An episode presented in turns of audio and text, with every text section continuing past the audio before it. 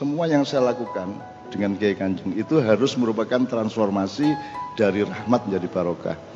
Rahmat itu apa? Rahmat itu bukti kasih sayang Tuhan yang dikasih ke siapa saja tanpa batas, tanpa kriteria, tanpa parameter itu namanya rahmat. Jadi apa saja, siapa saja dikasih, maling dikasih, orang jahat dikasih, semua dikasih. Ya.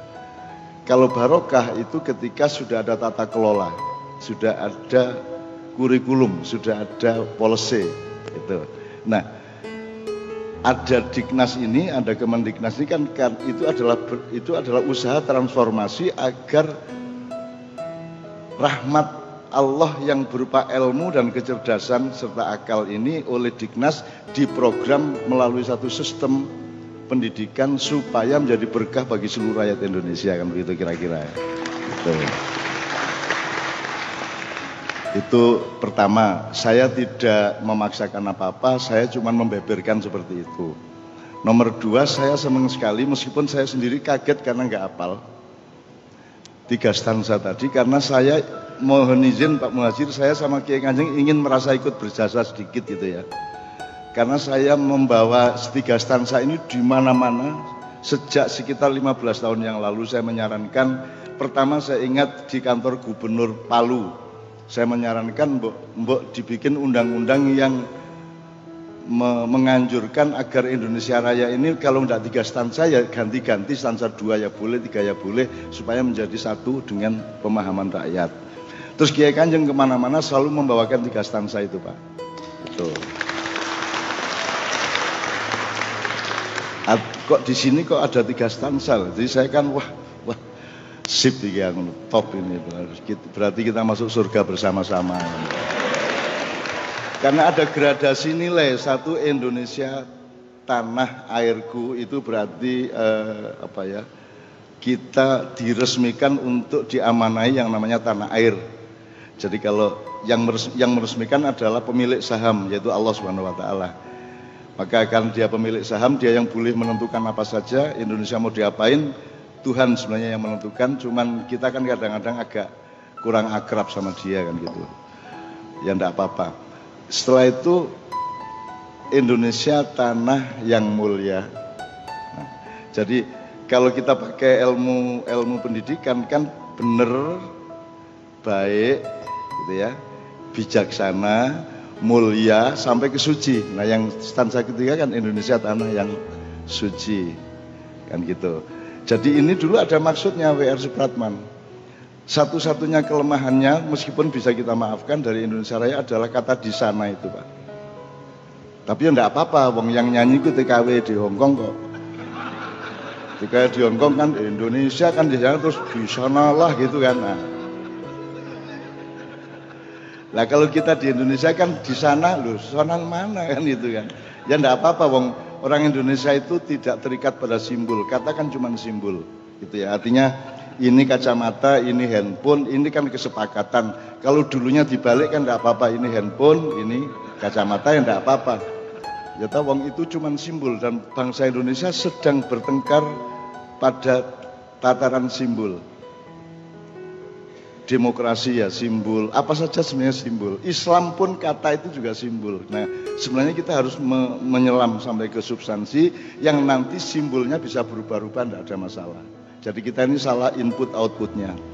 Misalnya sarjana itu input, bukan output. Menteri itu input. Outputnya adalah perbaikan pendidikan, kan gitu. Saya sholat, sholat saya itu input, dia belum bermakna bagi manusia. Jadi tidak jangan pamerkan ibadahmu karena ibadah kita itu hanya urusan kita sama Allah dan dia baru baik kepada Allah. Tapi untuk baik sama manusia ibadahnya itu diterapkan menjadi nyun sewu kalau dalam Islam tanha anil faksha wal mungkar. Kalau sholat kita sudah membuat kita menjauhi kemungkaran dan keburukan-keburukan, maka baru itu outputnya. Tapi di Indonesia kan semua input. Inputnya, Lo pilih presiden aja yang dipersoalkan orangnya kok. Bukan trayeknya, mau ke mana itu enggak. Wong sekarang naik bis saja kan Anda ada yang pernah naik bis tahu nama sopirnya. Angkat tangan. nggak ada. Ini bukan ilmu saya, ilmunya anak saya kemarin. Wong kita naik bis saja, yang kita yang kita harus tahu itu trayeknya ini jurusan mana. Perkara supirnya beragama apa, namanya siapa, anaknya berapa kan tidak ada urusan. Jadi sebenarnya nggak ada masalah dengan Jokowi apa Prabowo atau siapa pun. Yang menjadi urusan adalah ini mau dibawa ke mana Indonesia. Gitu kan, gitu kan, gitu. Tapi kan Indonesia itu salah satu bentuk kemesraannya adalah bertengkar gitu. Kalau ndak bertengkar ndak enak gitu. Gatel aduh wis gak gelut tak gelut gitu kan. Istri suami aja kalau ndak ndak paidu-paiduan, minggat. Minggat itu kan bentuk kemesraan. Ya. Jangan dipikir wanita minggat itu dia ingin pisah, dia ingin dijemput. Betul enggak? Betul Pak ya? Jadi kalau minggat, iya pengalaman Pak. Jadi lari dari rumah sambil noleh-noleh, lu gak, gak diuber ya. Kira-kira gitu, oke. Okay.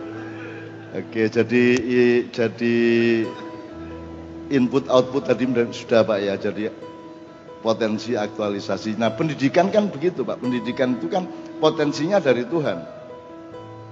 Aktualisasinya kita yang menentukan. Misalnya Tuhan kasih padi mau dijadiin apa? Mau jadiin beras nasi apa mau dijadiin output inputnya dari Tuhan itu tela ke tela manusia yang bikin sistem untuk menghasilkan output atau aplikasi atau aktualisasi apa ketela itu menjadi gedok apa menjadi krepek atau menjadi sawut menjadi monggo gitu ya nah urusan Dignas adalah dia menciptakan sistem atau mesin mesin budaya mesin akal mesin kecerdasan dan mesin rohani untuk supaya beras ini menjadi nasi tela menjadi geduk dan sebagainya. Nah, potensi anak didik itu kan masih tela, Pak, masih masih padi. Nah, nah sekarang masalahnya output pendidikan ini siapa yang menentukan semuanya? Kalau mau kembali ke Musahim, Musahim itu Al-Musahim itu Allah yang maha pemilik saham. Ya, dia yang bikin mestinya dia yang kita tanya dong. Ini karpe sampean maunya Tuhan menciptakan si A ini disuruh jadi apa kan gitu mestinya. Tapi kita kan nggak pernah pak. Dari tiga kongres kebudayaan kemarin pak, semua hasilnya itu tidak ada satupun kata Tuhan. Tidak pernah. Sampai lihat National Geographic kagum kepada alam semesta, coba tunggu ada satu kata Tuhan tidak ada. Jadi Tuhan itu saya itu kadang-kadang kasihan juga.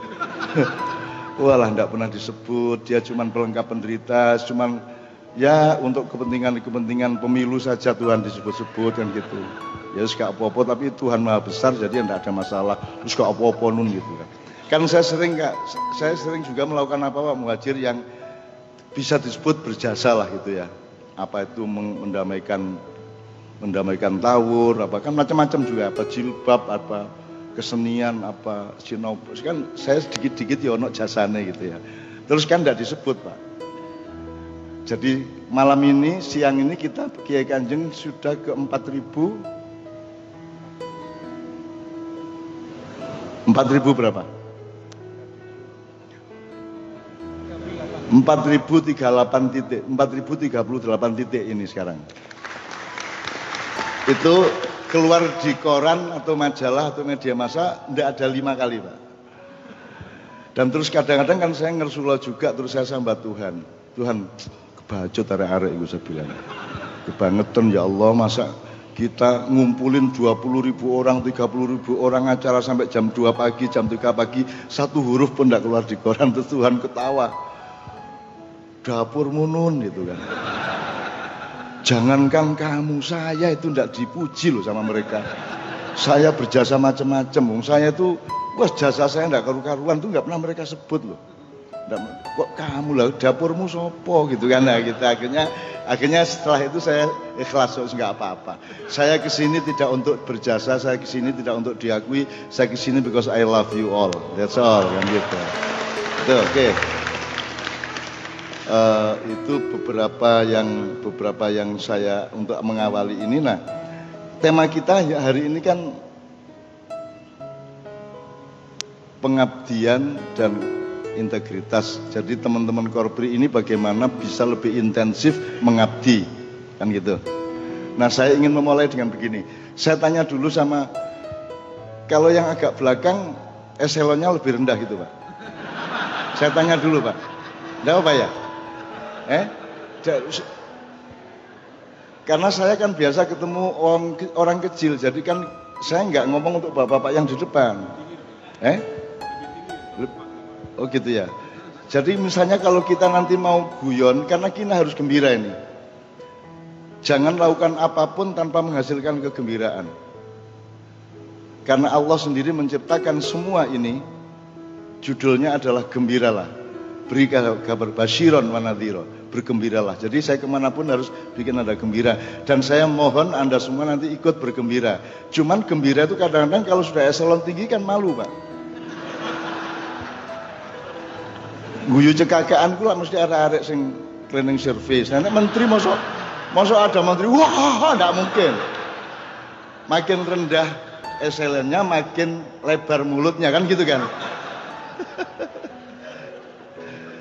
Karena ada peningkatan budaya Pak. Jadi sekolah SD masih mau jalan kaki. Sekolah SMP malu kalau jalan kaki paling enggak pakai sepeda. Begitu SMA sudah malu pakai sepeda, paling enggak motor. Kalau mahasiswa kalau bisa mobil. Artinya ada kegagalan peradaban. Seharusnya semakin tinggi pendidikan, semakin rendah hatinya kepada masyarakat. Yang begitu.